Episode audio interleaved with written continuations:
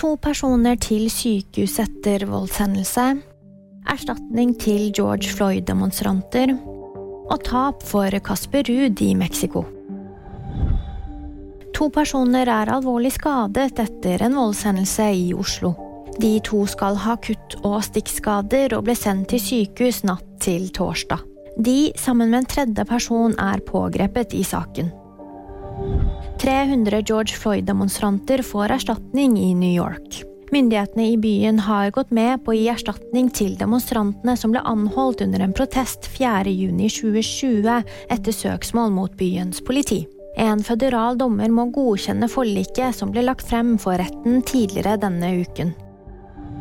Det ble tap for Casper Ruud i ATP 500-turneringen i Acapulco i Mexico. Japanske Taro Daniel vant to av tre sett mot den norske tennisstjernen, der resultatet ble 7-5, 2-6 og 7-6. Dermed røk kvartfinalen for nordmannen. Det var VG nyheter. De fikk da meg, Jaman Britgar.